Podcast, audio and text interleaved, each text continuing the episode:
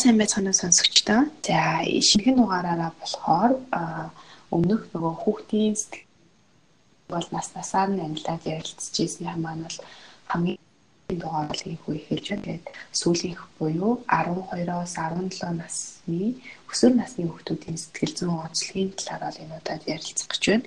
Тэгээ манай энэ дугаарын зочноор бол Монгол өрх сэтгэл зүйн хүрээлэнгийн сэтгэл зүйч ундран оролцож байна. Тэгээ зочинтойгоо илүү дэлгэрэнгүй танилцъя. За подкаст сонсож байгаа хүмүүстээс энэ өдрийн мэндийг хүргэе. Монгол өрх сэтгэл зүйн хүрээлэнгийн сэтгэл зүйч -hmm миний хувьд юм бол илүү одоо нэг сургууль дээр илүү их ажилладаг. Тэгэхээр өсвөр насныхны тулгамддаг асуудал за илүү их тулгардаг бэрхшээлүүд юу гэдгийг яг дунд нь одоо байгаа хүн гэсэн. Одоо сургуулийн сэтгэл зүйчээр бол ажиллаж байгаа. Төслийн хүрээнд тийм юм байна.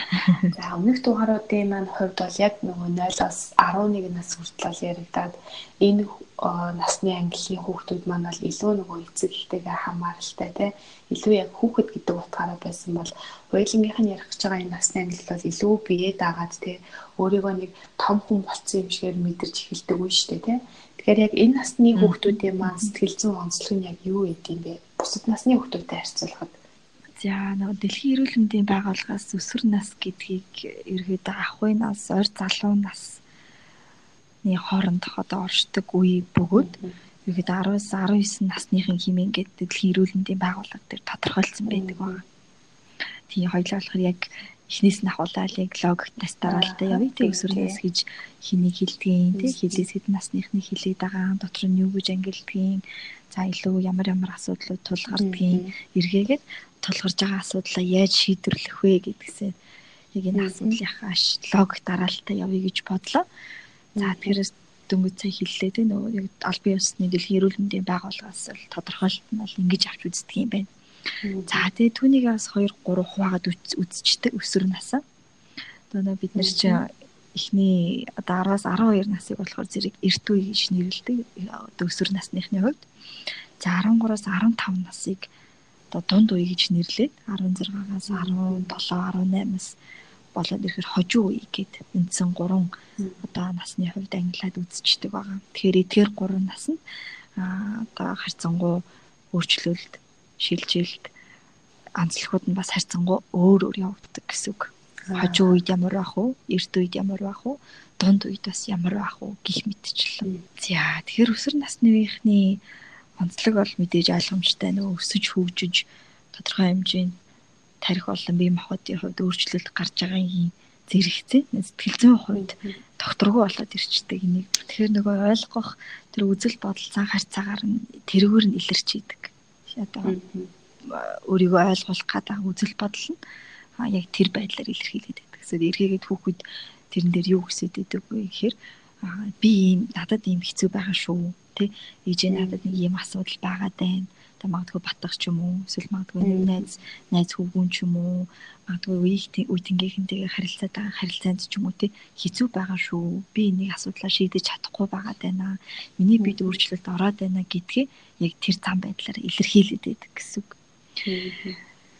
Тэгээ нөгөө нэг энэ насныхны хувьд одоо эрт орой хөгжил нь одоо эдгээр чи хүүхэд хүүхэд нас насанд нь онцлогтой өөр өөр явагдаж байгаа шүү дээ тий нөлөө нь Тэгэхээр нөгөө эрт орой хөгжих нь бас хүүхдүүдээс нөлөөлдөг гинэ. Харилцаанд харьцаанд тэ нийгэмд.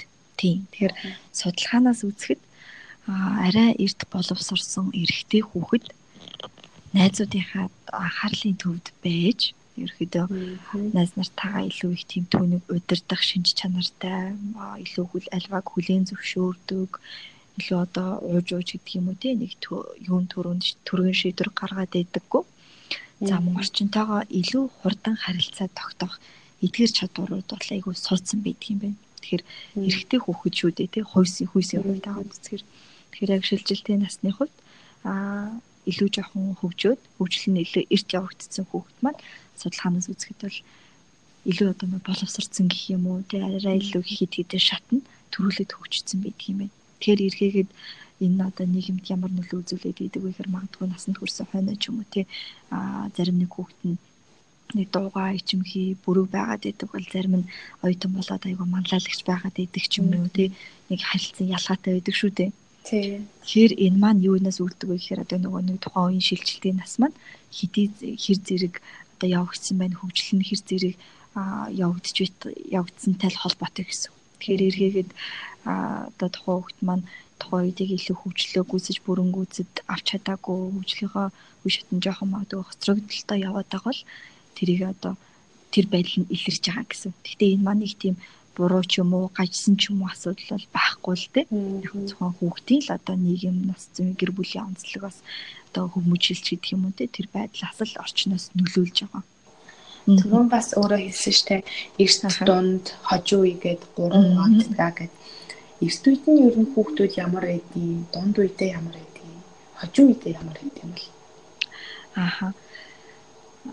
За одоо эрт үе буюу одоо 10-аас 12 насныхныг оруулаад байгаа. Тэгэхээр нэг альфа ямар нэгэн зүйлийн үн цэнийг мэдрэх, за магадгүй альфа нэг зүйлийг ухаарах ч гэдэг юм уу тэр хэсэг маань хэсэг хугацаанд их тийм хол гэдгийг мэдэрдэг. Энэ энэ наснд болохоор зэрэг Тэгэхээр ээж аав нар бол тэрийг нэг альва юмны үн цэнийг мэдрүүлэх гээл те ингээд ах шаардлага бас байхгүй байдаг гэсэн үг байна. Тухайн үеийг тэр нэг хөгжөөгүй байдаг гэсэн үг байна. За 13-аас 15 насныханд яадаг вэ гэхээр аав ээж хоёрынхоо та хоёроос хамт та гар гараасаа барилцаад гэр бүлийн хайрын илэрхийлэл нь намайг үргэлж аз жаргалтай болдог шүү гэдгийг мэдэх үе тэр үед ирж идэг. Одоо нөгөө нэг илүү хөгжих гээд штэ тий дэшегээ найзын төвшөнд ижил төвшөнд хурж ирээд аав ээж хоёрын гар гараас бариад аа гэр бүлийн харилцаа чинь тэгээ намайг үргэлж аз жаргалтай жаргалтай болгодог ийм мэдрэмжийг өгдөг юм байна гэдгийг тухайн үед нас нь илэрхийлээд байдаг байх нь. Тэгэхээр зарим зүйлтер болохоор зэрэг яг одоо энэ үед нь магадгүй амтэн чи амтэн тийжээдэг ч юм уу тий нэг тижээвэр амтантай нохоотой ч юм уу болгоход хүүхэд илүү нөгөө нэг хүмүүсээс илүү тийм зүрх сэтгэлийг тулаацуулдаг тийм мэдрэмж бас хүүхдэд айгүй хөгждөг. Тэгэхээр яг энэ наснд нь 13-аас 15 наснд нь 14 15 нас илүү зохимжтой байдаг. Тэгэхээр нэг нохой юм уу тижилэг юм бол хүүхэд эргээгээд илүү нөгөө нэг нөхөрсөг тий эргээгээд хэнийг нэг хайрлах эргээгээд хэнийг зүрх сэтгэл нөгөө сайхан сэтгэл гэдэг зүйл маань нөгөө нэг тухайд нь хөгжиж идэг байна. Эргээ бид нэг хүсдэг штэ тий насанд хүрсэн хойно. Аа манай энэстэ нэрээ хүн амтан өрөвдөнч гэж мэдэхгүй хайрланч гэж мэдэхгүй ингээл тий нэг дараа дараа гэлээж авнаар ярьдаг. Тэгэхээр тухайн үед нь нас хөгжлийнх нь онцлогт нь тохирсон тэр одоо нэг хангагдаагүй хэрэгцээг нь одоо нөхөж өгч чадаагүй ч гэдэг юм уу? Магадгүй энэ насанд нь аав ээж хоёр нь салцсан байдаг бол бас их хүүхэд сэтгэл зүйн хувьд гэмтэл авдаг гэсэн үг байна. Тэгээ яг энэ аав ээж хоёр бэжж би гэр бүл бүрэн бүтэн байдгийн байна аз жаргалтай болдгийн байна гэдгийг илүү найзын төвшөнд те мэдэрдэг энэ үе дээр. Тэгэхээр ээж аав нар манаас илүү оролцоотой байхыг танаас одоо нас нь шаардж байна гэсэн үг нас нь илэрхийлээд байна гэсэн үг тий 13-аас 15 насны ээж аавд маань тэгэхээр илүүтэй яах ёстой вэ гэхээр илүү оролцох ёстой юм байна. Илүү нөгөө хайр гэдэг зүйлээ үйлдэлээрээ маш сайн илэрхийлэх ёстой юм байна. Тэгжээж эргээд хүүхэд маань цаашаа 16 17 18 магадгүй насанд хүрсэн хойноо магадгүй 20 гараад 30 төхөөд гэр бүлтэй болох тэр нөхцөлд эргээ нөгөө нэг инэрэнгүй сэтгэл тусч тэ зүрх сэтгэлээсээ гэдэг зүйл нь бол одоо нөхөрсөг байдаг ч гэдэг юм уу тэг их мэдчлээ эдгээр сэнж чанарууд нь бол төлөвшөж одоо гүйцэтгэг гэх юм уу да тий. А сууж суудаг гэсэн илүү хөгждөг гэсэн тэр наснд нь за дунд үеийн юм байна за нөгөө хожуу үе буюу арай илүү нөгөө нэг хөгжил маань одоо дуусах шатанда ороо тий. Нөгөө бие хүн нас том хүн болох гэдэг шүү дээ Тэгэхээр энээс өмнө юу болоод идэг вэ гэхээр нөгөө залуунаас тий уйдгар гуниг шаналл гэл нэг хүүхдүүдийн мэдэрдэг ихэвчлэн нөгөө нэг хүүсийн хоорондох замаатгүй хинэгний найз нөхдийн хоорондын гомдолч гэдэг юм уу тий уйдгар гуниг тэр одоо мэдрэмжүүдийг илүү одоо таньж мэдэх гэж оролддог оролддог юм байна. Одоо нөө илүү тэр зүйл нь мэдрэгддэг, тэр зүйл нь илүү бүрлддэг гэсэн үг. Тэгэхээр илүү яагаад идэв гэхээр би яг юу хүсээд байна. За би илүү яг одоо юунд илүү их би санаачлагтай байх хэрэгтэй юм. За тий юунд илүү их би одоо төр зүрийн зөрчлийг би яаж илэрхийлэх ёстой бол миний хувийн зам чанар юу нь би яг хин юм бэ гэж нөө өөрийгөө илүү таньж мэдэх гээд идэг гэсэн. Тэгэл нөгөө нэг өөртөө нөгөө хувийн орон цаг маш их хүсдэг. Эцэг гэхээсээ зайгаа барих гал тий. Илүү үтингийнхэн дотроо өөрийгөө мэдэрч гээл магадгүй аа би нэг сагс тоглодог л тий би нэг мундаг шүү гэдгийг харуулчих гал тий. Өөрийгөө л нөгөө нэг би гэд хин бэ магадгүй тандаг гэдэг хин замагдгүй ундрам гэж юу н хин нөгөө тэр зүйлээ хөрх юм нь хайгаал ирээд яваад идэг юм болгон дээр туршиж үзээд бүдэрч унаад яваад идэг гэсэн. Тэгээ энэ дээр ээж аваадын гол алдаа нь юу гэдэг вэ гэхээр нөгөө сонголтыг өгдөггүй. Өмнөөс нь шийдээд гэсэн. Тэгээ манай хүүхдүүд хөвчлэн ерөөхдөө юу гэж орж ирж ярьдаг вэ гэхээр надад сонголтыг нь өгчгөө би өөрөө хийгээд үзье аа. Зүгээр надаа юун дээр алдаж болохгүй юм бэ? Тэ надад зүгээр юунд буруу вэ гэдгийг хэлээд өгчих гэх тийм зүйлийг хүүхдүүд өөрөө хүсдэг байна. Гэтэл ээж аав нар бид нар хайрын нэг илэрхийлэлтэй тэ нөгөө нэг ингэж ингэж хүмсэн за миний хүү ингэж байх тэ миний хүүд ингэж үл ингэчэндээ гэдэг нөгөө нэг хайрын нэг илэрхийл эргээгээд хүүхдийг нөгөө эргээгээд шийдвэр гаргаж чаддаггүй, сонголт хийж чаддаггүй тийм нөхцөл байдалд хүрэхэд итгэдэг. Тэгэхээр эргээгээ нөгөө шийдвэр гаргаж чаддаггүй, сонголт хийж чаддаггүй хүүхдүүд маань том болоод ирэхээр насанд хүрсэн хойно ч юм уу тийм онц ноцтой шаардлагатай гэсэн шийдвэр гаргалтын дээр илүү жоохон бүдрэх гэдэг магадгүй хэнийг нэг аялдан дагалдахдаа илүү сайн байдаг ч юм уу тий илүү өөр ингэсэн нөгөө манлайлах чадвар нь байхгүй тий хин өөрөө нөө бие дагаад шийдвэр сонголт гаргаж чаддаггүй учраас тэр асуудал нь тийм байдлаар илэрдэг гэсэн. Тэгээ яагаад миний хүүхдэд өнөөдөр ингэж нэг ийм байдалд хүрч вэ? Тэг өнөөдөр яагаад нэг юм итэг санаачлахгүй юмд нэг тийм зоригтой биш, шийдэмгий биш, тийм байна вэ гэхээр эргээ та бас өөрсдийнхөө ээж аваад маань нөгөө хүмүүжлийнхаа арга барилуудаа бас өөрсдөндөө эргээд харах хэрэгтэй болж байгаа үгүй болж байгаа гэсэн үг. Одоо тийм байгаа. Насанд хүрсэн одоо хүний төлөвшсөн байна уу, төлөвшөөгүй байна уу гэдг нь одоо хувь хүн болж чадчихгүй юу гэдг нь ерөөхдөө өсвөр настаас шалтгаалдаг гэж ойлгох нь шүү дээ. Тий, тий. Тэгэхээр нөгөө эргээгээд өнөөдөр ямар байна? Магадгүй бол энэ энэ 7 хоног ямар байна? Энэ сар ямар байна биш үү? Энэ сар дээр энэ 7 хоног би хүүхдтэй ингэж ажиллаад магадгүй ийм чадварыг суулгачих юм бол та ирээдүйн ямар 10 жилийн дараах ямар одоо суугармаар ч юм уу санчрыг хүүхдээ хүсээд байгаа. Тийм. Тэрийг л сайн би өнөөдөр ээж аавд манд бодосоо гэж үсээ хүсэж байна. Тэрнээс ээж аавд ерөөсөө тэр талыг нэг бодох гэхээс илүү өнөөдөр л манай хүүхд ингэчээд байна. Тэгээ энэ ерөөсөө ойр тал ингээд ах ингээд тэг нэг тийм асуудал орж ирээд та тэрнээс өнөөдөр миний хүү ингэчлээ энэ магадгүй 10 жилийн дараа миний хүүхдэд яаж нөлөөлөх бол гэдэг зүйлийг бодох хэрэгтэй байх нэ гэсэн үг. Аа. Хоёр талынхаа одоо яг нэг ойлголтыг нэг болгох гэж нэг асуудал биш ч тийм. Аа хүүхэд ер нь ингээд идэг штэ. Эцэг манай аав ээж намайг ойлгохгүй байна. Юм л олвол хичээлээ хий, юм л олвол ингээд ингээд загнаад байна гэдэг тийм. Аа харин нөгөө талд нь эцэг эхчүүд нь гэл юм л олвол дууга ураагаал яасан мэддэхгүй таг болол юм бодоод суучих юм гэдэг ч юм уу ингээд нэг хоёр тал яг энэ голд нь юу болоод байгаагаа ойлгож чадахгүй л ингээд хоёр талаас өөрсдийнхөө үзэл бодлоор харилцаад байна та. Тэгэхээр хүүхдүүд бол яг энэ тал дээр бол буулт хийх ч юм өөрийгөө ойлгуулах тал дээр бол хараахан одоо суралцааг байгаа штэ. Тэгэхээр эцэг эхчүүд маань юу н хүүхдтэйгээ хүүхдийнхээ байр суурийг ойлгохын тулд яах ёстой. Энэ үеийн хүүхдүүд маань яг ер нь тархиндаа толгоондоо юу бодож идэм бол. Аа Тий айгүй зөв асуулт байна. Тэгэхээр нөгөө хүүхэд хүүхэд хийсээ илүү ээж аав нар бас яг тулгамддаг асуудал шүү дээ тий.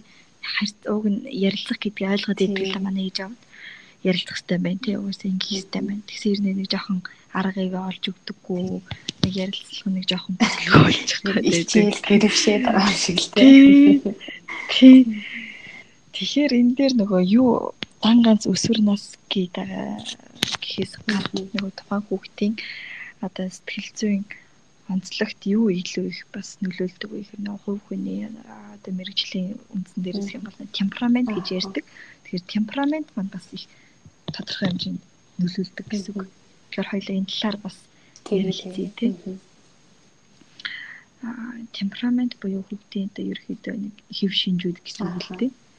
Ер нь ямар ямар гол үндсэн нэг дөрвөн хэв шинжийн хүрээнд хоёул аваад үзчихье. Тэгэхээр өсвөр насны хүүхдийг ерөөхдөө одоо нөгөө нэг тэнцвэргүй хөөрөмтгий хэв шинжтэй. За гацамтхай одоо хөшүүн хэв шинжтэй хүүхэд за гутран хэв шинжтэй эсрэгээр ирж хүчтэй гэсэн ийм дөрвөн үндсэн одоо хэв шинжид хоёлаа аваад үзэх. Энэ хэв шинжин гэхдээ одоо төрөлхийн гэж ойлгох уу эсвэл ингээд амьдралын туршид бий болсон зан характер гэж ойлгох уу?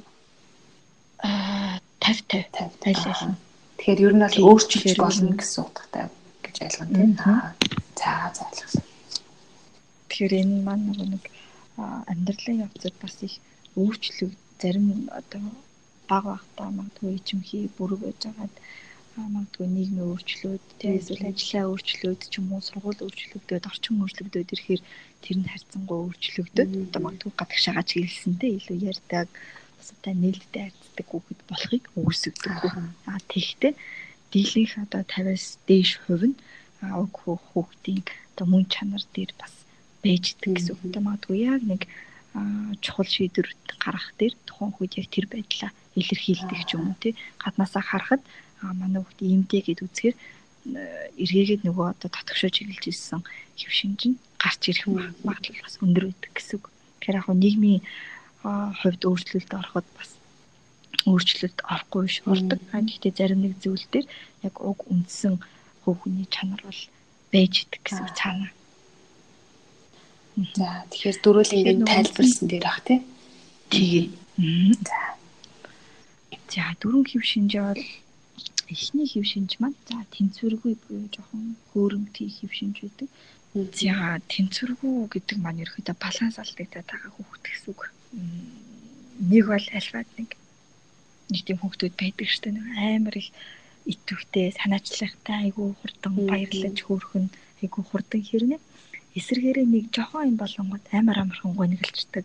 Амар амархан одоо уйлждаг, амар амархан хувьс хийчдэг ч юм уу те ингээд нөгөө яг балансаа барьж чадахгүй байгаа гэсэн үг. Аа. Тэрийн тэнцвэргүй а хитий хөөрөмтгий хэв шинжийн хүүхэд ерөөдөө ямар ямар сэтгэл зүйн хувьд онцлогтой байдгийн талаараас хэлж. Аа. За, үе тэнгийнхэн болон олны дунд байхдаа ер нь хаппи байдаг. Дуртай. Аа. Олонтой байхдаа их дуртай. За тэгээд илүү одоо нэг адал явдалтай, хөгжилтэй тийм зүйлд илүү их эрэл хийлдэг. Тэгээ ерөөхдөө бусдыг манлайлах хүсэлтэй. Ер нь нэг жоохон тэргүүлэгч байх гал те ер нэг нэг зохион байгуулах чадвартай. Тэгээ сониучрах, сониучтэй нэг тийм эргээгээд эдний нөхдүүдийн сул тал гэж байдаг дээ тийм ямар ч юм хоёр талтай гэдэг шиг. Тий. Тэгэхээр энэ нөхдүүдийн эргээд нөгөө зүйл нь юу гэдэг вэ гэхээр хэдий сониуч боловч баг зэрэг тогтроогүй. За тэгээ эргээгээд харилцаанд жоохон ерөнхий байдлаар хандах гад идэг. Нэг тийм нарийн зүйл тодорхой бус а нэг тийм бүдүүн тойм зурглал илүү сайн. Тэгэхээр энэ маягийн эдгээр хэв шинжийн хүүхдтэй ер нь яаж харьцвал зүгээр гэдэг вэ гэхээр нэг төрлийн нэг хэмнэлийн ажлыг удаан хийлэхгүй байвал зүгээр гэдэг. Тэгэхээр амархан уйдаад байдаг гэсэн үг байна шүү дээ. Тэ нөгөө нэг тийм бай. Айгаа амархан өөрчлөгдөд байдаг учраас нэгэн хэвийн ажил цугалтна гэсэн тохирохгүй гэсэн үг байна. Тэгэхээр одоо магадгүй нэлээд яриа өрөөдөө сэргэлэн тийм хүүхдийг аваачаад нэг нам жим такс уусан нэг суудаг ажил өгчүүлээс тэр хүнээс бүтээмж гарах нь гарахгүй гэсэн. Тийм ээ тийм. аа тэрээс эргээд миний хүүхд манай хүүхд чинь заавал нэг тийм хэв шинжиндээ гэдэг жамнар нэг бодоод ернээс ингэл зөв юм байна гэдээ сонсож байгаа хаа гэж бодчихно аа Аа ердөө чиний нүдээр ер нь яв юу юу гэж харагддаг вэ? Аа энэ төрлийн хүмүүс яг нөгөө яг ойрын жишээ гэвэл нэг сууж сураагүй тэгэл нэг докторгүй хөлтөд байдаг шүү дээ. Нэг юм хий гэхээр өөр юм барьж аваад тэгэл тэрийгээ жоохон ингээл оролцож аваад хайчаал дахиад өөр нэг юм оролцож аваад байдаг. Би одоо тиймэрхүү хөлт болвол гэж хараад байна. Тий, ер нь бол төгч юм. Тэгээ нөгөө нэг гэр бүл болчоод нэг хосын юу байдаг юм нэг бодит шиг би бодит шигээс хуваалцъя гэж бодлоо.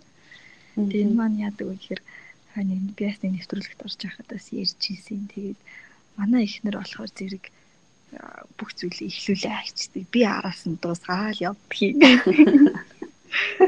Тэгэхээр нэг хоёр эсрэг дэсрэг хүмүүс агүй сайн гэр бүл болдог гэдэг. Тэгээ би би нэг нөхдөг гэдэгтэй адилхан. Тэгэхээр эхнэр болохоор зэрэг ямар хэв шинжтэй байна вэ гэхээр яг ийм нөхөр байгаа байхгүй юу тий. Илүү нөгөө нэг ари хурдан сониучтэй докторгоо учраас эхлүүлээд эхлүүлээ явчихдаг. За нөхөр болохоор зэрэг араас нь бүгднийг мэдчихэж байгаа учраас тий дуусгаа дуусгаа дуусгаа явчихдаг. Тэр хөгжилтэй боловч яг энэ амьдрал дээр нөө бодит жишээ байгаа даа тэр л тий. Тэгээ тэр залуу юу гэж ярьж ирсэн бэ гэхээр оо манай хоол хийхдээ ч гэсэн гэр цэвэрлэхдээ тэг ингээл хийгээл ихлүүлээл хайчдаг би араас нь юмнуудыг гэж та басхаа тусгай тусгай явдаг. Ааха. Тэгэхээр хэдүүлээ яг ийш хэв шинжийн хүүхдүүдтэй ээж аваад байх юм бол ямар одоо дугууланд явуулах уу магадгүй ямар мэрэгжил сонгуулах уу гэдэг дээр бас бодолцох хэрэгтэй байх нь тий. Одоо эдгэрт чинь магадгүй 10-аас дээшээ тий 10 11 12 дугаар ингээд мэрэгжил сонголт маш том нэг дайн тулааны хан шиг чухал шийдвэр байдаг шүү дээ. Тэрэн дээр одоо нэг амар том одоо зөрчил үүсдэг те амар том шийдвэр гаргах учраас тэрээс энийг бас бодолцож бодолцож үзэх хэрэгтэй байх нь. Тэр хэдийн нэг тийм нийгэмд амар том рейтингтэй те нэгэн ер нь чинь мэрэгжлийг сонгочих гэдэг боловч үнэхээр тухайн хүүхэд маань өөрөө тий хүүхдийн хэв шинжид онцлог тохирохгүй бол тухайн таны хүүхдээс үр бүтээмж гарахгүй гэсэн үг. Тийм. Тэгэхээр тийм хүмүүс ер нь бол бас амьдрал дээр харагддаг. Тэгэхээр эргээгээд тийм хүн маань насанд хүрсэн хүн маань яадаг вэ гэхээр ажлын бүтээмж гардаггүй аа өлегтэй одоо юу гэдгийг тий албан тушаал ахиж чаддаггүй нэг тийм амжилт бас үзүүлдэггүй гэсэн үг. Тухайн туртай зүйлдээ цаг цаваа хүн гаргадагтай адилхан нэг тийм өөрт нь тохироогүй ажил учраас эргээгээд нөгөө асуудал болоод ирчдэг гэсэн. Тэгэхээр нэг өнөө маргаашийг аргацаасан аа тэгээ нэг тийм нөхцөл байдал үүсээд байдаг. Тэгээд эргээгээд ээж аваад хүүхдээ ч юм уу да буруутгаад эхэлжтэй. Манай энэ нэр гарчаагүй те энэний гараас гарна гэж байхгүй ингээд ингээд ингээд тэгэхээр бас аль аль талыг нь бас бодолцож үзэх хэрэгтэй байх нэ гэсэн үг. Аа. За нэмэлтээр аа одоо аль болох үеийнгийн дунд байх олонтой байх их дуртай нөхдүүд тэгэхээр энэ тэр хэв шинжийн хүүхдүүдийг илүү одоо нийгэмшүүлэх талын илүү нийгэмтэй ойрхон байх бүлэг хамт олонтой илүү нөхөрлүүлэх ёстой. Сургуулиас гадна одоо клуб, дугуйлан, секц гэдгийг энэ болгонд одоо үеийнх хүүхдүүд ямар хөө байгаа вэ гэдэг энэ талаар бас илүү их ойр байлгавал хүүхдэд илүү одоо доктор сууршил илүү зөв чигээ олоход нэг нөлөөлдөг гэсэн үг. Тэгэхээр одоо нэг бид нэр монголчуудаас ярьдаг дээ сэргэлэн дэмтсэн хүүхэд байна гэл тээ. Тий. Тэгэхээр нөгөө нэг бидний хувьд юу гэж мэрэгчлүүднээс хараад идэг вэ гэхээр тэр бол яг чадвартай өгдөг байгаа байхгүй юу? хурдан дөрвөн стекийн хувьд тэг хэл яриа бие авч явж байгаа байдал энэ бүгд нь илүү бусад юу гэдэг нормал хүүхдээс илүү алийг илүү хурдтай сэтгэхэд байна гэсэн үг тийм.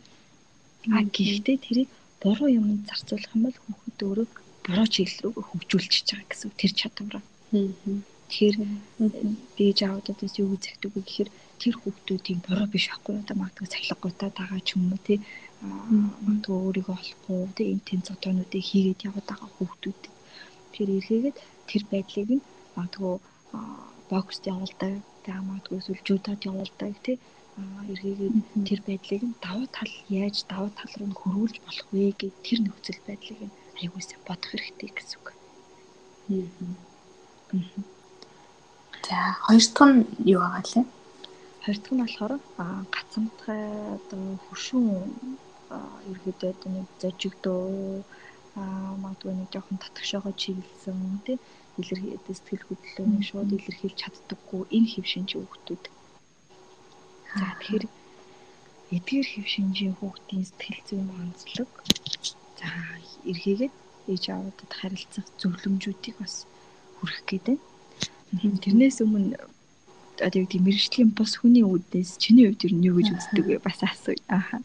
За нэг тийм дараа харж байгаагаар л тийм нэг бас нэг бүр хөдөлгөөнд хүртэл нэг удаа хүмүүс идэг штэ. Нэг юм хийж байгаа л тэгэл тэрийгэ хийгээл нухаал байдаг, нухаал байдаг.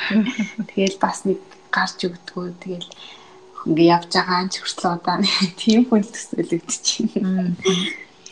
Тийм. Одоо нөгөө нэг 10 жилд ч юм уу сургуульд нэг анги болгонд нэг ганцаараа байх дуртай замагдуу нэг зочигдуу гэж яриад идэг штэ тий. Тийм. Тийм хүүхдүүд Тэгэхээр эргээгээд ерхий ерхий онцлог нь. Тэгэхээр нөгөө нэг илүү том хүмүүсийн яриаг сонсож тэдэнтэй хамт байх илүү дуртай. Тэгэхээр нас сэтгэл зүйн онцлог нь магадгүй ярилцаад үзэхээр илүү нэг хэрсүүч гэдэг юм уу илүү магадгүй санаа явцсан ч гэдэг юм уу тэ нэг яриа өөрөө тогтцсон хэв шинж нь бүрэлдсэн байх магадлал өндөр гэсэн. Ягаад гэвэл нөхцөл нь бүрдчихэж байгаа юм л да. Чимээгүй, тайван, тэг ингээ нухацтай ярьчаар да намблаг гэх юм. Аа. Тэгээд эргээгээд эдгээр эдгээр хөвшинчээ хөвгтөл маань сэтгэл хөдлөлөө шууд илэрхийлж хараахан чаддаггүй мэдрэмжээ. Аа.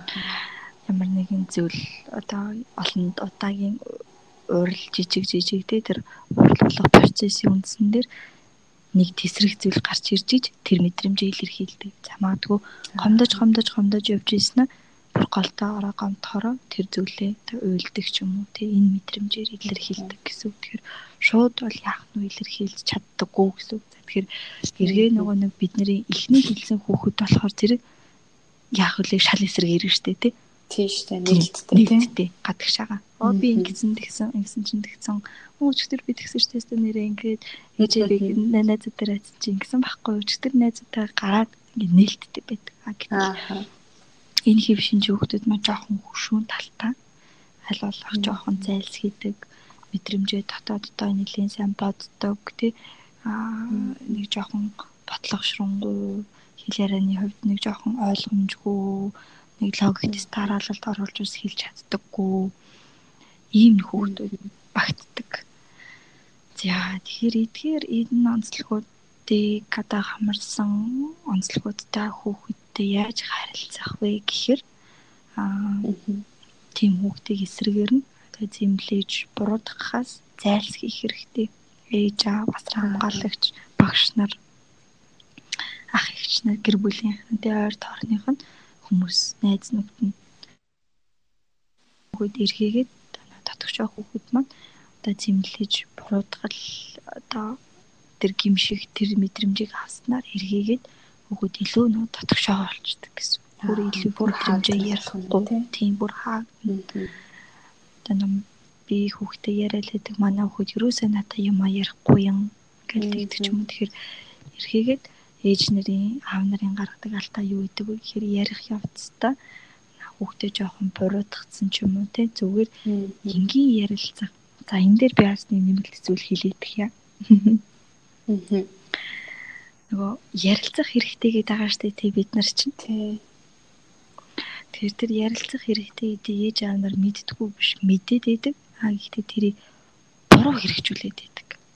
Аа Тийм тэгэхээр чиний хувьд ер нь юу гэж ойлгож байна яг буруу хэрэгжүүлээд байдаг гэд бисээ хэллээ шүү дээ. Тэгэхээр зөв одоо ярилцсан гэдэг маань яг ямар сонсох үйл явцыг хэлэх гээд байгаа вэ? За би ер нь бол ингэж л бодож байна л да. Манай жишээлбэл ээж ч юм уу тий ингэдэг байхгүй. Яриад эхлүүлчихэд тэгээд за яасан гинэ? Яаж ингэ зүгээр ингээл явуулаа л гэдэг. Тэрнээс биш ерөөсөө өө чи тэгсэн юм уу? Тэгдэн яаж байгаа? юм гэдэг юм уу тийм шүүмжлэх ч юм уу эсвэл нэг тийм одоо загних үг өгүүлбэр ерөөсөө хэлдэггүй аа тийм үү тэгснөө тэгээ тэгээ дараа нь яасан ч гэдэг юм уу яг ингээд намайг л яриулаад ингээ яриаг хөврүүлээд байна уу гэхээс биш тэгэж ерөөсөө хаах байдлаар юм хэлдэггүй. Аа би бодглоо бодохдоо аа яг тэр хүүхдээ зүгээр л нээлттэй яриулах нь тэр зөв ярилцж байгаа хэлбэр болов гэж бодож байна. Яагаад тэгэхээр би одоо ингээд ээжтэйгээ юу ч ярихаасаа ерөөсөө юм мэдгүй байхгүй юу. намайг ингээ шүүмжилж индэ намаа загин чинда гэдэг тийм айдас юусоо байдаггүй. Тэгэхээр энэ бодвол баг байхад ч юм өсвөр наснд байхад надад их зөвөр нөлөөлсөн учраас би одоо юм байгаа болоо гэж бодож байна.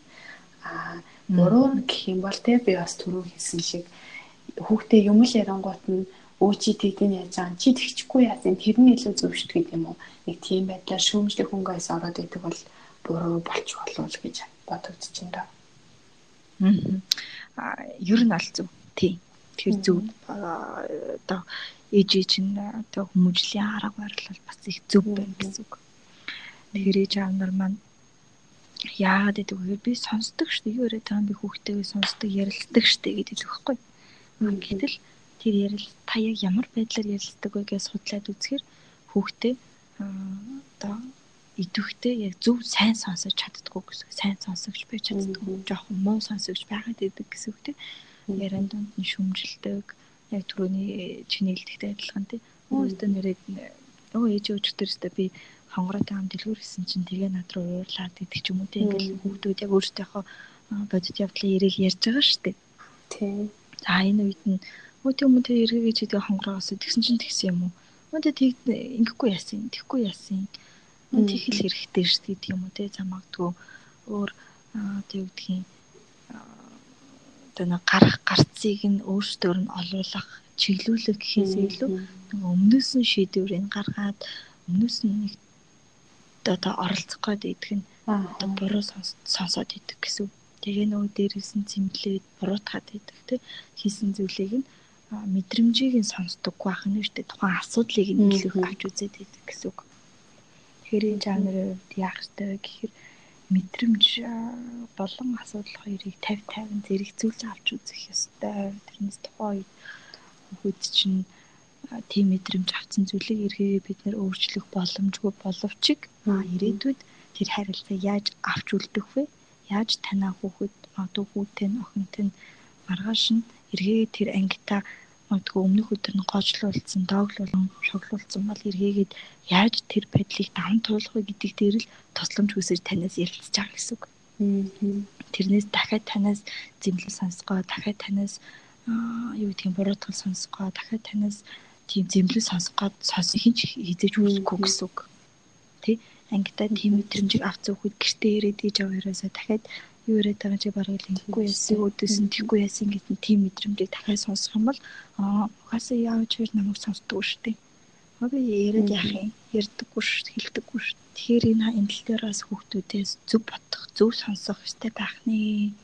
Эрхээгээд ямар ч шүүмжлэл байхгүй, ямар ч дүгнэлт байхгүй, ямар ч гаргалгаа гарцыг хэлж өгөхгүй. Зүгээр үр дүнг нь хэлэх хэрэгтэй. За магадгүй чи магадгүй найз залуутай найз хүүгүнтэй болоод тэгж болцсон бол миний хүү оройн цагаар явах юм бол ийм үр дагавартай.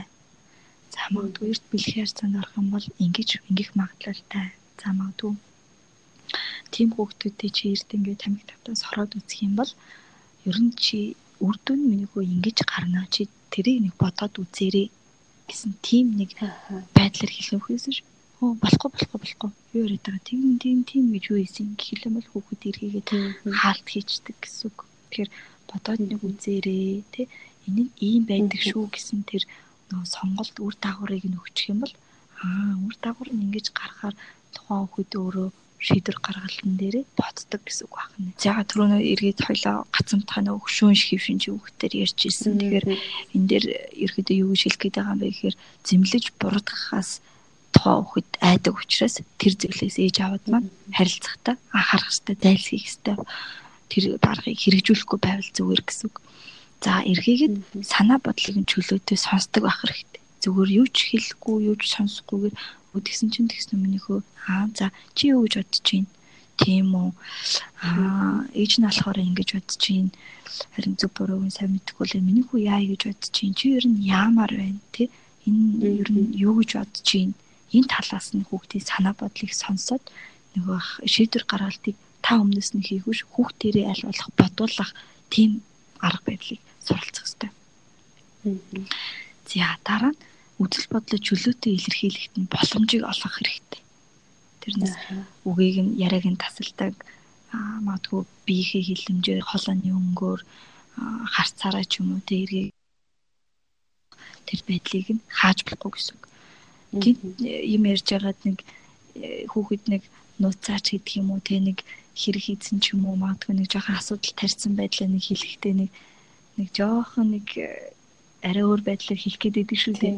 Тэгэхээр нөгөө бид нар маань андарчдаг гэсэн үг тийм ээж аав нар маань. Тийм. Эс юу хэлэх гээд байгаа юм. Яг яатсан. Тэгээ тэгээ одоо барыг хэлээч гээл тийм. Тэгээ энэ байдалд нь тайван сонсоод үзэл бодлоо чөлөөтэй илэрхийлэх тэр боломжийг олгох хэрэгтэй гэсэн.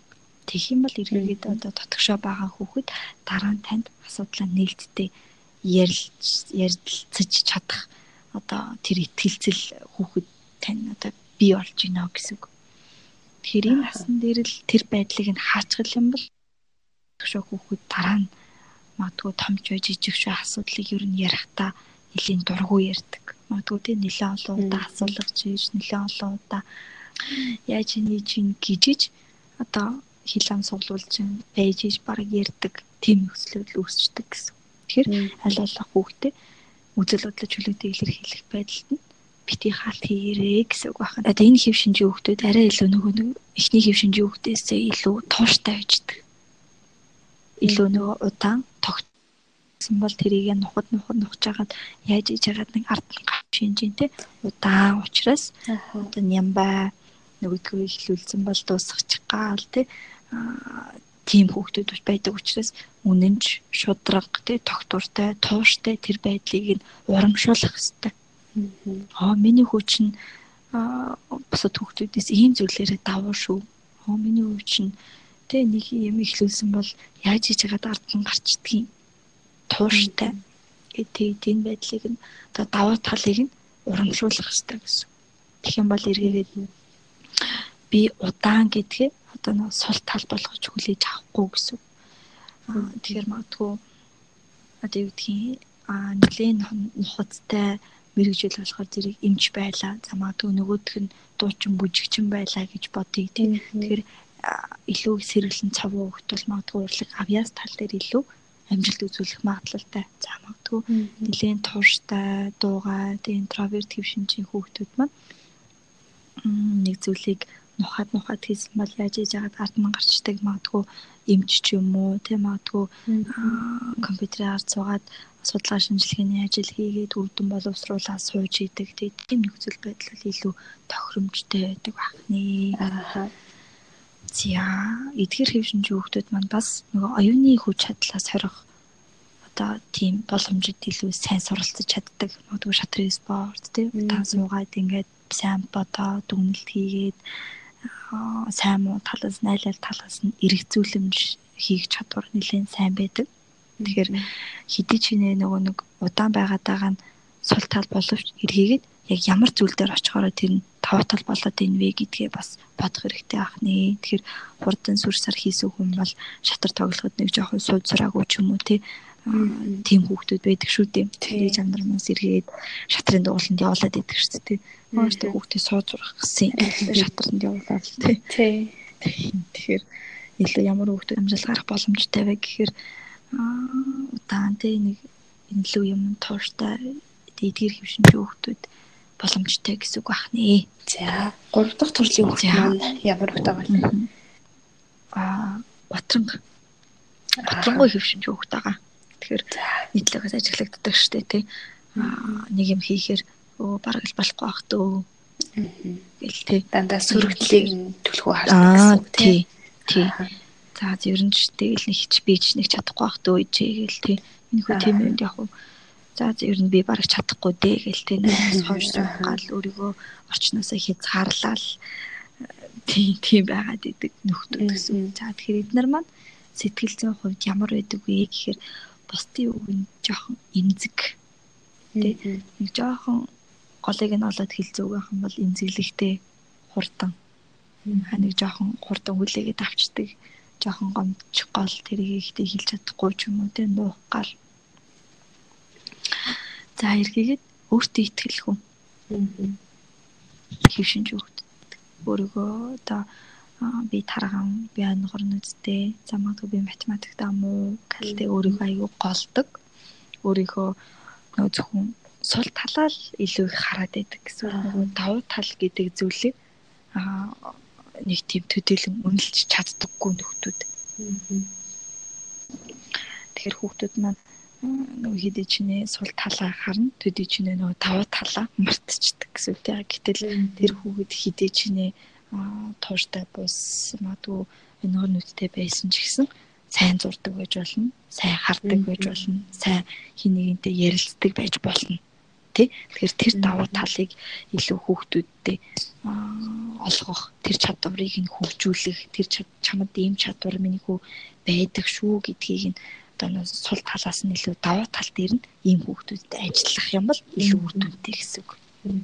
Нөгөө тэрнээс миний үч шинж нэг жоохон удаандаа тий чадвал юу яах вэ гэхээр хөтөр хүүхэд амжилт гаргахгүй үгүй гэсэн үг байна.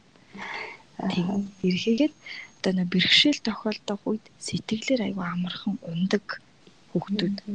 Тэгэхээр ямар нэгэн ярилцах ч юм уу хилцэх асуудал асуудлыг нь ээж аав нар нэг жоохон сөхөж ярддаг тал байдаг шүү дээ. Тэ. Чи чистэй нэр нэг магтах гэдэг боловч эргээгээд нөгөө асуудлыг нь хөндөд байдаг тий. Миний үе чинь сайндаа тэгтэл нөгөө нэг тэр үед нэг тэгжсэн те гэл нэг тоглоом шоглоомор ч юм уу те тэгж илэрхийлэх гэдэг. Тэгэхээр эргээгээд энэ хүүхдэд бас яаж нөлөөлдөг вэ гэдгийг бодох хэрэгтэй ахын. За тэгэхээр эдгээр хөвшинж хүүхдүүд маань нөгөө бэрхшээл тохиолох тохиолдож байгаа үед яг үзтгэлээр амархан ундаг. Тэгэхээр нэг юм хийх гээд нэлээ жоохон тэг юудгийн сэтгэл хөдлөлөөр хандаад нөгөөдг нь санснаар нь болохгүй тохиолдолд илүү сэтгэлээр амархан унцдаг. Тэгэхээр энэ үед нь илүү буруутгахгүйгээр илүү сайн та сайшааж магтах ёстой гэсэн үг хэглээгээд нөгөө үнэн байдаг байдлыг нь маш сайн илтгэх хэрэгтэй. Тэр худлаа цаасан малгай өмсгөж сайшаах хэрэггүй гэсэн үг. Тэгэхээр нөхцөл байдлаа илэрхийлээд те магадгүй чи ингэж хийж чадаагүй ч гэсэн чиний хичээл зүтгэл бол айгуу сайн байна гэдэг ч юм уу те чи энэ дээр амжилт үзүүлээгүй ч гэсэн чиний ингэж хийж байгаа хичээл зүтгэл чинь хамгийн сайн байна миний хөө миний охин гэдэг. Тэгэх юм бол эргээгээд хүүхэд одоо унсан ч гэсэн босгох чадвартай болдог гэсэн үг байна. За эдгээр нэг готрон хөвшинжийн хүүхдүүд маань тасан зэгцэх чадвар жоохон сул байгаад байдаг. Аа жоохон өөрийнхөөрөө байж гал тэг өөрийнхөөрөө бүхний шийдчих гээл тэг өөрт нь таалагдахгүй болохоор нэг жоохон зайгаа барьж гал нэг жоохон өөрт нь тавг олцохоор тэр бүгдийг буруугаар ойлгох гал тэг. Гэтэл өөрт нь таалагддаггүй ч гэсэн тэр өөр нэг хүн таалагддаг байх боломжтой байхгүй. Тэгэхээр эргээгээд нөгөө нэг аль аль талдаа тасан зогсож чаддаггүй учраас өөрийнхөө зүгээс бүх зүйлийг хараад идэг гэсэн. Энэ надад таарахгүй байна. Хонгорцол мухаартай тий дээр намайг тэгсэн чинь би ингэсэн надад ингэсэн намайг ингэсэн гэдэг ч юм уу ингээд жоохон өг харах гад тий илүү нөгөө өөрөө гэхээс илүү бусдыг жоохон шөмжлөх гэдэг магадгүй эсвэл эсрэгээр өөрийгөө илүү их буруутгадаг. Ийм байдаг. Би буруутай би ингэсэн чинь тэгсэн гэх мэтчлээ. За тэгээд готрон хөвшинч хүүхдүүд маань ганцаараа байхыг айгүй илүүд үздэг хүүхдүүд байдаг. Тэгээд өөртөө ерөөхдөө хохиролтой үйлдэл хийхэд одоо жоохон баг зэрэг бэлэн ойрхон байж идэг байгаа. Магадгүй амиа орлоо тий жоохон эрсдэлтэй үйлдэл хийдэг. Аа тэгвдгийн тэнд ганцаараа явах тий эрсдлийг тооцох гэхээс илүү тэр үйлдэлүүдийг хийхэд жоохон нэлийн түлхэн болоод өгдөг. Нэг ганцаараа байх байдал нь тэг өөрийнх нь хэв шинж нь илүү нэг тэгвэл ингэнгээд өөртөө маш сайн итгүүлждэг учраас тэр нь эргээд тухайн үйлдэлд одоо хийхэд нөлөөлөд идэг гэсэн үг. Тэгэхээр хин нэгэнд гоочлуулаад тэгвдгийн ангита нэлийн зожигдуу тэг хин нэгний тэр байдлыг ажиглцсан хөхөд бол магадгүй 7 хоногийн дараа 14 хоногийн дараа амиа орлох эрсдэл нэлээ өндөр гардаг ч юм уу юм уу тий. Хин нэгний магадгүй эцэг гэхийн салалтыг энэ үед нэлээд сайн хүнд тусцсан учраас магадгүй эрэгтэй хүүхдээс хүсээ үед цаахаа барьдаг тий. Эрэгтэй хүнийг аав салан явцсан хаяа явцсан учраас эрэгтэй хүн дургу болдог ч гэдэг юм уу? Тэрнээсээ болоод дахиад эрэгтэй хүнтэй ойртох хүсэл төрдөггүй ч гэдэг юм уу тий. Гих мэтчлэн үйлдэлүүдийг шийдвэрүүдийг гаргахад одоо ойрхон байдаг гэсэн. Тэгэхээр эдгээр хэв шинжих хүүхдтэй яаж харилцах вэ гэхээр шудраг бус хандахгүй байх хэрэгтэй. Үнэн ч бай, худлаач бай, алдсан ч бай, алдаагүй ч бай, амжилттай ч бай, амжилтгүй ч бай шудраг хандах хэрэгтэй. Тэгэхээр нөгөө нэг шудраг бус хандахгүй байснаар эргээд хүүхдэд тэг буруу юм дээр алдсан ч гэсэн эргээд босох тэр зүйлийг зөв зүйлийг залруулад байдаг. Эргээгээд за дараагийнх нь болохоор 50 орчим бүрдүүлэх ёстой. Илүү нөө бодох, сэтгэх одоо хөгжих тэр боломжийг олох 50 орчим хэрэгцээтэй болдог. За дараа нь тэр хэм шинжийн хүүхдүүд маань илүү нөгөө бие даасан ганцаараа хийх ажил дуртай ч юм уу тийм бие даасан ажил хийхдээ сайн учраас тэр байдлыг сайшааж магтахад их дуртай байдаг. Тэгэхээр бие даагаад хийсэн ажлыг нь эргээгээд эцэг хүүднээс ямар хэв шинж үзүүлэх вэ гэхээр магтах хэрэгтэй тийм ганцаараа бие даагаад тэр зүйлийг хийгээд чадсан бол хүүхдэд илүү амжилт магтаал сайшаал урамшууллыг өгөх хэрэгтэй гэсэн үг байна. За дараа нь сүүлийн нэг зөвлөмж нь за аялтан дагалдах хэв шинж нэлээд өндөр байдаг. Тэгэхээр одоо магадгүй буруу мөчлөлтэй хүүхдүүдэд уруу татагдах ч юм уу тий? А нэг жоохон санаа нийлээд явангуудаа тэрийгэ болж ийн гэж үзээд тэр хүүхдүүдэд илүү найзалдаг ч юм уу. Тий нэг хэсэгхэн зургийн тэр зүйл дээр тэ нөө таашаалыг хамгийн хурдан аваад байгаа учраас татагдах магадлал нэлээд өндөр байдаг. Яг нөгөө өөрийн гэсэн бат шийдвэртэй зогсож чаддаггүй. Жохо баланс алдагдаад.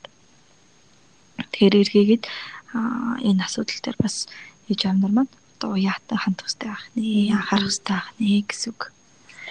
За сүүлийн хэв шинж маань эрч хүчтэй хэв шинж байгаа. Аа готрон хүүхдийн маань одоо баг эсрэг нь гэсэн үг тийм байна. Тэгэхээр эдгээр хүүхдүүдийн сэтгэл зүйн онцлог нь ямар байдаг вэ гэхээр сэтгэл санаа гинт гинт огцом огцом өөрчлөгддөг. Ялангуяа нэг жоохон зүйл нэг урилжих нь элбэг ч юм уу те нэг гомдох нь элбэг те нэг түргэн ууртай хэрнэ түргэн юу нарилчдаг хүмүүс байдаг штэ те уурна гарчдаг тийм хүмүүс гэсэн. Тэгэхээр урилгах нь амархан боловч эргээгээ тайвшрах нь бас амархан. Тэ эргээгээд саяхан л хэсэгхэн зур дургу дургу гэж хэлсэн бол тэрийг мартаад үрдүүл хийгээд идэг тий. Энэ мэдчихлэн. Тэгэхээр үтнгийнх нэг одоо өөрийнхөө иргэшил байлгахыг бас жоохон үсэд идэг нөхдүүд. Тэгэхээр манлайлагч тий жоохон уршид дуртай нэг жоохон бусдыг манлайлах гад ингээд байгаа нөхдүүд жоохон өөрийнхөө гартаа бүх зүйлийг авах гэдэг магадлал нэлээд өндөр байгаад байдаг. Нөгөө одоо компани захирал шиг те ингээд дотроо хараа хяналтандаа бүгдийг байлгах гэдэг гэсэн. Тэгэхээр өөрийнхөө иргэшээлд лам юмнууд байлгах гэдэг. Тэ найзуудынхаа найзуудыгаа ч гэсэн те магадгүй юу идэж уух, хашаа явах те бараг л тэр хүний санаагаар болохгүй л уралж гадаг те. тийм нөхцөл байдал. Тэгэхээр тийм асуудал байдаг шээ. Тийм манай надад ингэхгүй л одоо наа чи яг ууралчихна гэл. Наа чи өстөн нэр яг ингэн. Аа. Тэгэхээр эргээгээд энэ байдгийн балансын тэнцвэржүүлэхийн тулд аа нэг зөвлөмж дээр хэдүүлэн анхаарах хэрэгтэй байх нэ гэсэн би яг сэтгэл зүйн онцлогийг нь ярьж нөгөө харилцах зөвлөмжүүдийг нь хүргэе. За.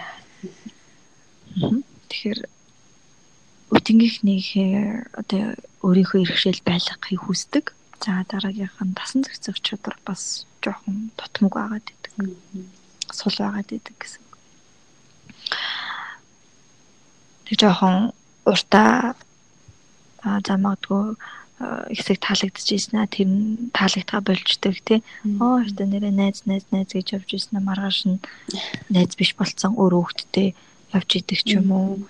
За магадгүй эхэндээ би өстө нэр ээж биш амар энийг стави ави ави гэж аваад удааг байж хагаад 7 хоногийн дараа нөгөөдгөөс уйдчдаг ч юм уу тий. Би өстө нэр энийг л авахгүй болохгүй энийг л үзэхгүй бол болохгүй байна гэж байгаа л нөгөөдгөөс уйдчдаг тий магадгүй нэг дугуулнд бүртгүүлэл нэг 7 хоног хайчдаг ч гэдэг юм уу тий энэ бүх байдлаар нэг жоохон тогтворгүй хэдий ч нэ нөгөө ирч хүчтэй санаачлагтай байгаад байгаа боловч дуусгах чадвар жоохон хомс дутмаг байгаа гэдэг. Эхлүүлээд эхлүүлээд эхлүүлээд хайчдаг. Дуусгах чадвар жоохон дутмаг байгаад идэг аа. За нийт За тэгэхээр эдгээр ирч хүчтэй хэв шинжийн хүүхдүүдэд зөвлөх зөвлөмж юу байна вэ гэхээр бие даахыг одоо сурах хэрэгтэй гэсэн. Бие даагаад хариуцлага мэдлэг дадал чадвар эдгээр зүйлийг өөрөө хийх ёстой байна. Альва зүйл чи өөрөө бие даагаад шийдвэр гаргах ёстой шүү. Тэгээ бие даагаад альва юм дээр бас гар бие оролцох ёстой гэсэн тийм бие даах чадварыг суулгаж өгөх ёстой. Нэгдүгээр. За хоёрдугаар бодиттой шаардлагыг тавьж байх хэрэгтэй ээж хаан нар хийсвэр бус тий эргээгээд та шаардлага тавьсан бол тэр нь яг бодит амьдрал дээр хэрэгждэг. Магадгүй ээж нь аа юу гэдгийг төгсөхт нь их сургуульд орохт нь ч гэх юм уу тий нэг амлалт төгсөн бол тэр нь биелэгдгүй замлалт байдаг ч юм уу тий магадгүй конкурс өхийн өмнө хүн одоо нэг хийх зүйл нь магадгүй хийж боломжтой зүйл байдаг тий гих мэдчлэн эргээгээд нэг хүүхдээ шаард тавьж байгаа шаардлага амлалт бүх зүйл маань илүү бодиттой байх юм бол хүүхдэд илүү ойр гэдэг гэсэн тухайн хүүхдийн хэв шинжийг өөрчлөхөд бас нэлийн ойрхон гэсэн үг. За тэгээ энэ нөгөө нэг ирч хүчтэй маш хурдан шийдвэр гаргадаг илүү сэтгэл хөдлөлөөрөө альфад хандчих гэдэг хүүхдүүд маань хүүхдүүдтэй жоохон ивэр харьцахгүй бол хурдан одоо юу гэдгийг ууралчих гал огцом огцом шийдвэр гаргачих гал тий юу яриад байгаа юм бэ өстө нэрэ тэхгүй тий та ингээд тахта яадгийг ингээд эргээгээд энэ асуудлыг нөгөө ичээ ээж аавын маань харилцаанд сөрөг нөлөөл сөрөөр нөлөөлөх боломжтой гэсэн үг. Аа тэгэхээр магадгүй яг нэг игзгийг тааруулаад гэдэг юм уу те яг ивэр харилцаад тэр үед нь тааламжтай уур амьсгал бүрдсэн үед нь анхаарах ёстой зүйл нь юу юм? Зөвлөмж нь юу юм? Үр дүн нь юу юм гэдгийг тэр үед нь тайлбарлах ёстой гэсэн. За дараагийнх нь тухайн хүүхдийн одоо хүсэл эрмэлзэл юу байна вэ гэдгийг анхаарч анхаарах ёстой. Тухайн хүүхэд яг юу хүсэж байна? Юу хэрэгцээтэй байгаад байна? Юунд илүү дуртай байгаад байна? Илүү тухайд өөрөө мэдж байгаа шүү дээ тийм би ийм юм дуртай учраас би ийм юм явмаар байна. Та намайг ийм юмд явуулаад өчүүлдэ тий. Ээж яаваас та би энд л явчмаар байна тий. Яг энэ хүсэл эрмэлзлийг нь мохохгүйгээр одоо судалж анхаарах ёстой. За эдгээр хэрэг хүчтэй хэв шинжийн хүүхдүүдэд саяны миний хэлсэн харилцах зөвлөмжүүдийг одоо дагаад ажиллах юм бол хүүхдүүдтэйгээ харцангуй ивэ олоход амархан байх болно, харцангуй дөхөн байх болно, ойлголцоход, харилцахад. Аа за ингээд үндсэн дөрвөн шинж маань бол дууссан байна. Одоо тэгэхээр цагт бас нэлийн төгсөн учраас нийтд нь бас ээж аавдад өгөх зөвлөмжүүд хэд хэдэн зөвлөмжүүдийг хэлээд тэгээд нэг бас нэг нэг чухал нэг зүйл байдаг юм аа хүүхдийн өсвөр наснд одоо хэрэгцээ гол юу байгаад байна вэ? Хүүхдүүдийн хувьд тэг бид нар өсөж байгаа хүнд бол хамгийн түрүүнд хоол идэх нь л чухал байгаад идэг шүү дээ. Тэгэхээр яг өсвөр насны хүүхдэд юу чухал ямар хэрэгцээ илүү чухал байгаад идэг вэ гэхээр өөрийгөө би хэм бэ? Ямар нэгэн шүүмжлүүлгүүгээр өөрийг нь хэн сонсож болох вэ? Намайг том хүн мэтэр хүлэн зөвшөөрүүлэхийн тулд тий өөрийгөө хинбэ гэдгийг таньж мэдхийн мэдх нь одоо энэ насныхны хамгийн гол хэрэгцээ байгаад байдаг гэсэн. Би хийм, би юм дуртай юм, би юм уу шийдвэр гаргачлаа. За би юм гоё үстэй байна, би юм чадвартай байна. би юм мундаг штэ. Тэ би нэг өөрөө чаддаг штэ гэсэн тийм байдлаа баталгаажуулахыг илүү их таньж мэдхийг хүсдэг гэдэг нь эдгээр насны хүүхдийн гол хэрэгцээ юм аа гэсэн үг. Тэгэхээр энэ дэр нөгөө хүүхдүүд дээр хамгийн гол нь юу илүү их чухал байдаг вэ? Юу сууж өгдөг вэ гэхээр одоо амьдралын нөгөө ихтгэл үнэмшил үнэт зүйл бий болчихдог байхгүй. Эргээгээд хүүхэд маань эргээгээд магадгүй насанд хүрсэн хойно за магадгүй гэр бүл болсон нэг хувь хүний нэг баримтлагдаг зарчим гэж байгаад байна шүү дээ тий. Магадгүй сэтгэл зүйчийн хувьд би тийм тийм тийм нэг зарчмуудыг ашигладаг тий. За магадгүй нэг компани албан байгууллагын удирдаг албаныхан би нэг иргэд ийм зарчмаар явдаг гэж ярьдаг штэ тий. Тийм тэгэхээр энэ маань хизээ сууж өгдөг вэ гэхээр өөртөө итгэх итгэл итгэл үнэмшил үнэт зүйл маань яг өсвөр насн дээр төлөвшөж бий болж эхэлж идэг. Тэгэхээр энэ насн дээр анхаарчих юм бол эрхийгээд тухайн хүүхэд амьдралыг үзэх үзэл бусдыг харах өнцөг альваад хандах хандлага нь альваа одоо нэг тийм амьдралын үнэт зүйл нь тэр үед бий болж идэг гэсэн үг байна. За өсвөр насны хүүхдүүдийн хувьд бол одоо яг бие физиолог дээр айгүй хөвшлтүүд гарч ирдэг штеп зарим нь бол нээлттэйгээр эцэгтэй ингэчлээ тэгчлээ. Би одоо яах вэ гэдээ асуудагч байна. Асуухгүй нуудаг хүүхдүүд ч байна те энэ үед бас нөгөө сэтгэл зүйн хувьд бас их тогтворгүй болдог те а энэ одоо ер нь бие физиологийн өөрчлөлтийн талаар хүүхдүүдтэйгээ эцэгчүүд яаж ярих хэвтэй юм бол за өмнө нь одоо чамд ийм ийм өөрчлөлтүүд гарна шүү чи ингээ бэлэн байх хэрэгтэй шүү гэж ярих нь зөв үү эсвэл гараад ирэнгүүт нь тэ одоо ингээ өөрчлөлтүүд гараад бидээ ил болоод ирэнгүүт нь энэ талаар нь тайлбарч өгч ярилцах хэрэгтэй юу? Ерхийдөө яг энэ насанд яадаг вэ гэхээр их тархины гадарт нэг тийм шинэ холбоосууд бий болж эхэлдэг, бүрэлддэг тархинд. Тэгээ энэ нас тэрнтэй холбоотойгоор ер нь бүх одоо мэдлэг, чадвар, дадал, зуршил, тэгээ бүх мэдээ зүйлийг хийж үзэх одоо тэр нөхцөл үнд суурь эзэмших чадвар нь сууж идэг гэсэн үг.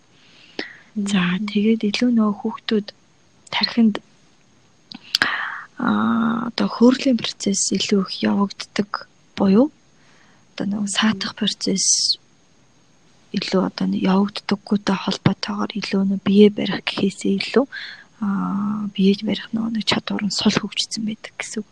Одоо ямар ямар ямар ч нэг контролгүй хяналтгүйгээр үйлдэлүүдийг гаргадаг тийм магадгүй уралж ийн гэл бид нар том хүмүүс бол за одоо энийг ингээ илчүүл ингэндээ тийм магадгүй одоо ингэчүүл үр дүнд ингэж гарандаа гэж бид нар дотроо нэг таамаг боддог бол тэр тухайн хүмүүс ямар ч тийм бодол байхгүй ямар ч фильтргүйгээр шууд гаргадаг гэсэн үйл хөдлөл санаа бодол одоо тэр үйл явц маань. Тэгэхээр энэ үед болохоор нарийн хөдөлгөөн, жижиг сажиг одоо төрөн хөдөлгөөнтэй спорт, хөдөлгөөн, морь унах, тишүүр, бүжиг гих мэтчлэн дээр авхаалж самбаа төрөн хөдөлгөөн шаардсан энэ чадварууд илүү одоо хөгжих боломжтой гэж үздэг. Тэгэхээр энэ талын чадваруудыг бас тухайн үед нь хөгжүүлчих юм бол хүүхэд бас цаашаас амжилт гарах бас бүрэн боломжтой байх нэ. Яг илүү нөгөө нэг илүү гадагшаа чиглэлтэй илүү сэргэлэн чадвартай юм юм хийх боломжтой үе нь учраас. Тэгээ нөгөө охтуудын хувьд сарын тэмдэг ирээл хөвгүүд нөгөө бүд хоолойны дуу хоолой бүдөөрэл сахал ургаал тий нурууны чац өндөрсөөл явцдаг шүү дээ. Тэгэхээр би мохоодо тарьцангуул өөрчлөлтүүд гараад би мохоодын хувьд нас гүцээд байгаа нь эхэлдэг. Тэгэхээр ихтэй мэгтэй онцлог шинжүүд хэлбэрүүдийн утас ялгаатай томроод эхэлждэг тий. Тодордог. Аа тэгэл нөгөө нэг юу гэдгийг батг гарна тий сарын тэмдэг ирнэ цээж томрон тэгэл одоо бэлгийн божилтууд явагдаж эхэлдэг тий өндөр намжин гих мэтэд өөрчлөлтүүд орж орж ирж идэг гэд. Тэр нь түрүүн би нөө подкастынхаа хамгийн ихэнд хэлж исэн нөө шилжилтийн насныхны биеийн бүтэц болон өөрийгөө үзэл бодлоо ойлгуулах тэр байдал нь аа надад зан характераар нь илэрч идгээ гэд. Тэгэхээр нөө хэдий чиний эрт одоо божилт явагдаж явагдсан эрэгтэй болон эмэгтэй хүүхдүүдэд өөр өөр нөлөө үүсдэг юм байна л да. Тэгэхээр нөгөө нэг судалгаанаас үзсэн чинь эрэгтэй хүүхдүүд болохоор зэрэг илүү манлайлагч те илүү орчинтойгоо хурдан танилцдаг. Тийм нөхдөд өсчдөг. За. Эмэгтэй охтуудын хувьд болохоор зэрэг үе тэнгийнхнийхээ бодвол илүү нэг жоохон ичимхий илүү орчинтойгоо хялбар харилцаа тогтоох чадвар суучдаг байх нь. Тэгэхээр энэ үед юу н хамгийн гол одоо хүсэж байгаа зүйл маань яаж харилцах вэ гэдэг байгаа шүү дээ. яг энэ үед нь яаж зөв ойлголцох вэ? Энэ мэдрэмжээ яаж одоо зөв илэрхийлэх вэ? Яаж тэр дутуу байдлаа нөхөх вэ гэд. Тэг энэ дээр яг эрдэмтдийн судалгаан дээр ч юм уу үзэл баримтлал хэв шинжүүдийг аваад үзэхээр хөөхд нөө илүү их нөгөө нэг өөсөө айгүй их олж харддаг штэ тий. Оо яна би амар бүдүүн байна тий. Надад таалагдахгүй байна. Миний үс ингэсэн. Өгөө наатгаж орч үе наатгаж хүүхдүүд хүмүүстгүй одоо одооний хүүхдүүд ийм юм хэрэглээд байгаа чи эн чи юу юм гээл те нэг тийм нэг голох шинжүүд айгүй их байгаад идэг. Хүлийн зөвшөөрөх гэхээс илүү. Тэгэхээр нөгөө нэг бусдаас ямар нэгэн байдлаараа ямар нэгэн талаараа дутуу болон ямар нэгэн байдлаараа нэг талаараа илүү мэдрэмж үүсэт идэг. А эсэргээрээ гурав дахь мэдрэмж нь нийтлэг буюу тэгш мэдрэмж. Энэ гурван мэдрэмж айгүй чухал гэж үздэг. Тэгэхээр энэ хин нэгнээс илүү болон дутуу за нийтлэг гэсэн энэ гурван мэдрэмж аа одоо хүн зөв одоо мэдрэмжээ тодорхойлсноор өөрийгөө одоо ялах тэр процесс одоо илүү хөгждөг гэсэн үг. Тэгэхээр нөгөө нэг энэ дээр би юу гэж хэлэх гээд байна гэхээр дутуугийн мэдрэмж гэж бид нэр одоо мэрэгжлийн сэтгэл зүйчид ярьдаг юм л да гэр бүл судлаач нар. Тийм тэгэхээр нөгөө нэг хэрэгцээг хангагдаагүй өссөн хүүхэд эргээгээд бас жоохон асуудал үүсэх гэдэг магадлал өндөр байдаг. Тэгэхээр нөгөө нэг магадгүй ойлголцох насан дээр ярилцах насан дээр хүүхдтэйгээ илүү оролцох насан дээр нь ч юм уу те энэ тал дээр бас хөгжүүлэх ёстой гэж хэлэх гээд байгаа. Тэгэхээр эргээгээд өсвөр наснд нь шийдвэрлэгдэг магадгүй тэр дутуу гэд мэдрэмж үүссэн тэгээ буруу өөрийнхөө согог ямар нэгэн бэрхшээлээ а одоо юу гэдгийг асуудал гээд үзчих юм бол цаашаа цаашаага тэрийг бүр илүү том өөрийгөө голох одоо үзлийн нэг шалтгаан болчдөг гэсэн үг. Тэгэхээр л нөө эргээгээд хүүхэд маань ямар хүн болох вэ гэхээр өөртөө өөрийн үнэлэмж байхгүй, өөрийгөө үнэлж чадахгүй тий өөрийгөө нэг дотоо үнэлдэг өөртөө итэг итгэлэн буурсан гэсэн нэг тийм нөхдүүд болоод өсчдөг байх нэ гэсэн үг. За тэгээд энэ тал дээр нөө түрүүн чиний асуусан ер нь хүүхдтэй хэл урд нь урдчлаад хэлэх нь зүйтэй юм уу? Эсвэл дараа нь одоо сануулаа шаардах шаардлага тавих нь зөв юм уу гэх тэгээд байгаа ш тийм. Тэгэхээр энэ бас их зөв асуулт байна л да. Ер нь тунгийн тааруулах гэсэн үг юм л та тий. Яг өмнө нэг хизээний хэлчиж одоо миний таны ээж аавын хэлэх гээд байгаа үг яг зөв газараа зөв байн дээрээ очиж буух вэ гэд. Аа. Тэгэхээр ер нь бол урдчлаад мэдэгдэх нь зүг байдаг. Одоо бэлгийн божилтын хувьд альва нэг урдчлах эрсдлүүдийн хувьд ч гэдэг юм уу бүх зүйлийг нь өмнө нь бол хийх нь зүйтэй. Ялгаагүй бид нар хичээл сургууль дээр биологи хичээл, эрүүл мэндийн хичээл дээр хүртэл тэр зүйлүүдийг мэдээд идэг боловч аав ээж хоёр яг өөрийн биеэр мэдэрсэн хүмүүсийн туршлага дээр суурлаад ярих бас нэг ондоо тийм мэрэгжлийн нийтлэг хэв шинжийг ярих нэг ондоо гэсэн үг. Тэгэхээр аль болох өмнө нь бол хийх нь зүйтэй. Тэгэхээр одоо нөгөө нэг алтхаас нь өмнө урдчлаа сэргийлээд үр дагаврыг нь хилчих юм бол эргээгээд алдахгүй гэсэн үг байна. Алдах магадлал буу гэсэн үг. Тэр эргээгээд одоо алдсан хойно нь өө чи алдчихлаа. Ингэхгүй яасан ингэж шүмжлэхээс өмнө миний хүү ингэдэгий шүү. Ингэж ингэх юм бол ингэж хин хандаараа тэ ээжтэй хэлхээс ичээ санаа зовоод байгаа бол одоо хоёлаа сургуулийнхаа эмчид хандээ магадгүй охтын үзлэг одоо явъя тэ за магадгүй хүү ээжтэй хэлхээс санаа зовоод байгаа бол аавдаа хэлээ гэдэг ч юм яг тийм байдлуудыг урдчлан сэргийлэх маягаар ер нь хилцэн илүү зүйтэй байдаг. Арай илүү үр дүнтэй. Тэгээ нэг түрүүн чиний асуултыг асууж байхад би бодоол байж илаа л да. Юу бодогдсон бэ гэхээр хотооны хүмүүс ер нь илүү нэг нээлттэй болчих. Хайцсангуу. Тэгэхээр одоо нэг бидний тэгж ажиглагдаж байна уу тийм ер нь. Тий. Тэгэхээр нийтлэг байдал нь бидгээд эндээс ярилцах гэдэг ярилцахын зөвгээ зөвлөд байгаа боловч хүүхэд бас аль аль нь нөгөө мэдрэмжээж гисэн харцангуй илэрхийлдэг болцсон. Тэгээ мэдрэмжээ аль тэр болгон нэг нуудаг байсан бол бас ер нь зөвч бурууч бай, алдсан ч онсон ч ер нь аль болох хилдэг болчихсон. Тим нөхцөл одоо нийгэмд бидгээд амьдраад байгаа юм байна л да. Амьдраад байна. Тэгэхээр эргээгээд энэ байдал бас яаж тасан зохицож тий бас арга барилаа өөрчлөх вэ гэдэг нэг асуудал тулгарч байгаа юм л да. Тэгэхээр зүгээр одоо миний хувийн одоо мэрэгжлийн туршлага гэх юм уу тий ажилласан одоо нэг орчин яг сургууль дээр ажилладаг байхгүй. Тэгэхээр яг одоо өсвөр үеийн 1-р ангиас 12-р ангийнхантай ажилладаг учраас ажилладаг хүний үднээс хэлэхэд яг юу илүү дутагдаад идэв вэ гэхээр зөвлөгөө гэхээс илүү нэг тийм хуваалцах зүйл айгуу дутагдаад тэгээд зөвлөн харилцах тэр зүйл айгуу их дутагдаад идэх юм байна. Тэгээд найзын хувьд те найз нөхдийн хүрээнд одоо тухайн үед нэг тийм багшийн ярьж байгаа магадгүй найзын тэгж хэлж байгаа л илүү чухал байгаад идэг шүү дээ тэрнээс нэг амар мэрэгжилтэн тэгж хэлээд тэгээ тэр эрдэмтэн тэгж хэлсэн чинь нэг тийм амар хүлээгээд аваад идэг шүү дээ манай найз ингэсэн чинь. Бол нэг тийм найз нөхдийн үеийнхний үзэл бодол илүү чухал санагдаад байдаг. Хинэгнээс илүү? Нөгөө ээж аав ах эгч нар гэхээс илүү. Тэгэхээр ээж аавуудыг харилцахдаа илүү нөгөө найзын төвшөнд очиж ярил илүү үр дүнтэй ярилцлага болно гэсэн үг. Тэгжиж ирээд хүүхэд маань өмнөөс хоёлаа ярьсан шүү дээ нөгөө гол дөрөв үндсэн хэв шинжин дээрээ. Одоо зөв ярина зөв харилцсан эргээгээд асуудлаа бас хэлэх чадвартай болно үзэл бодлоо чөлөөтэй илэрхийлнэ гэд. Тэгээ нөгөө хардан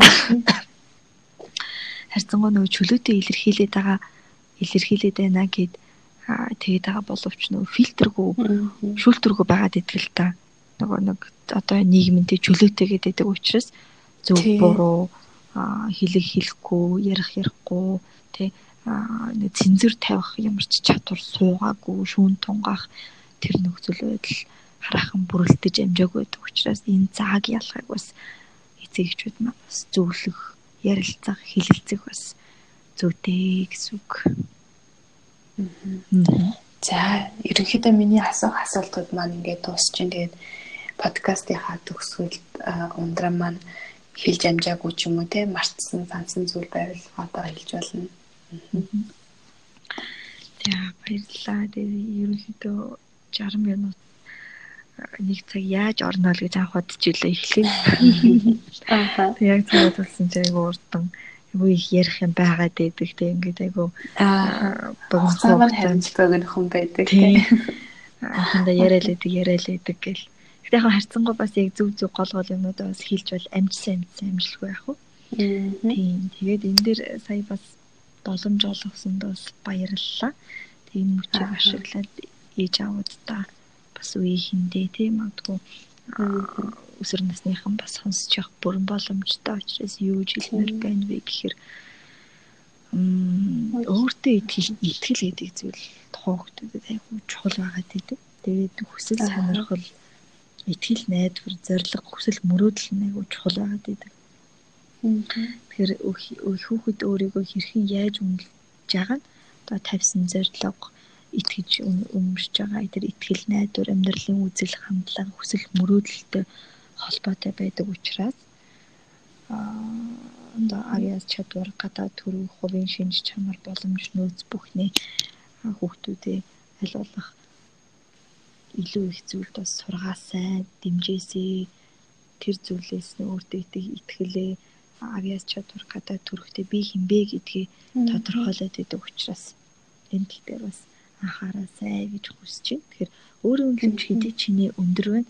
Төдий чиний одоо төлөвшөх гол хүчин зүйл нь бий болж байдаг гэд одоо судалгааны үндсэн дээрээс тодорхойлогдсон байдаг. Тэгэхээр өөрийн үнэлэмж нь эцэг хийхэн тэдэнтэй хамт байх цагийн тооноос биш ерөөдөө тэдэнтэй яаж харьцаж байгаа тэр хандлага харилцаанаас илүү их одоо шаарддаг нөлөөлдөг гэсэн шалтгаалдаг.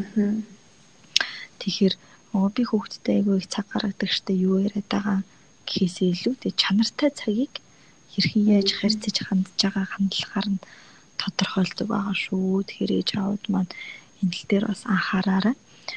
Ер нь миний нийтлэг ажиглаад байгаа зүйл маань өөрийгөө жоохон олоогүй хүүхдүүд байхад нэг юм юм өөрийнхөө юунд дуртай, юунд сонирхолтой, би юу хийвэл илүү аз жаргалтай байх вэ? Би юунд юунаас илүү кайф аваад байна вэ гэдгийг хараахан тодорхойлж чадаагүй.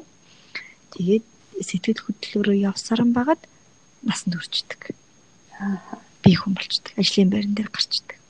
Тэгээ эргээгээд ажлын байран дээр гараад ирэхээр өөрийгөө таньж мэдэх гээл бүдэрч унаал ажилласаа гардаг тий магадгүй бүтлгүү бильярд занд орчдөг магадгүй бүтэмжгүй таг байралцааг үсгчдэг тэгээ бүдэрдэг. Тэрнээсээ болоод эдийн тэрхтээ өнийг эмхтээ өнийг харах үзэл хандлага нь өөрчлөгддөг. Эргээгээ тэр байдалд нөлөөлдөг учраас. Тийм учраас наан нь зөв хүн болж төлөвшөгдөн. Юу чухал вэ гэхээр өөртөө итгэх итгэл буюу одоо авьяас чадвар мэдлэг одоо хувийн итгэл үнэмшил энэ бүгдийг хідүүлээ сайн одоо юу гэдгийг нийгэмшигт нь туслаж дэмжлэг үзүүлэх юм бол хүүхэд маань илүү амжилттай хүн болоход бол одоо нэг хоёр алхмаар бол урагшилнаа, ойртноо, дөхнөө гэсэн зөв төлөвшөл рүү илүү ойртох нэ. Аа. За өндөрмдөө маш их баярлалаа цаг гаргаж ярилцсанд. Тийм намайг сурж өрөлцүүлсэнд бас айгүй баярлалаа. Бас цаашдын амжилт нь ажилтнаас амжилт хүсье. Бас илүү яг зөв чиглэл рүү хүүхдүүд рүү эцэг эхчүүд рүү чиглэж байгаа учраас бас илүү их хүмүүст хүрээсэй гэж бодож байна. За ингээд өнөөдрийн дугаараа ингээд дуусгах юм. Манай сонсогчид бас хэрэгтэй мэдээлэл авч чадсан гэдэгт итгэлтэй байна. Тэгээд дараагийн дугаараараа ингээд уулзцгаая.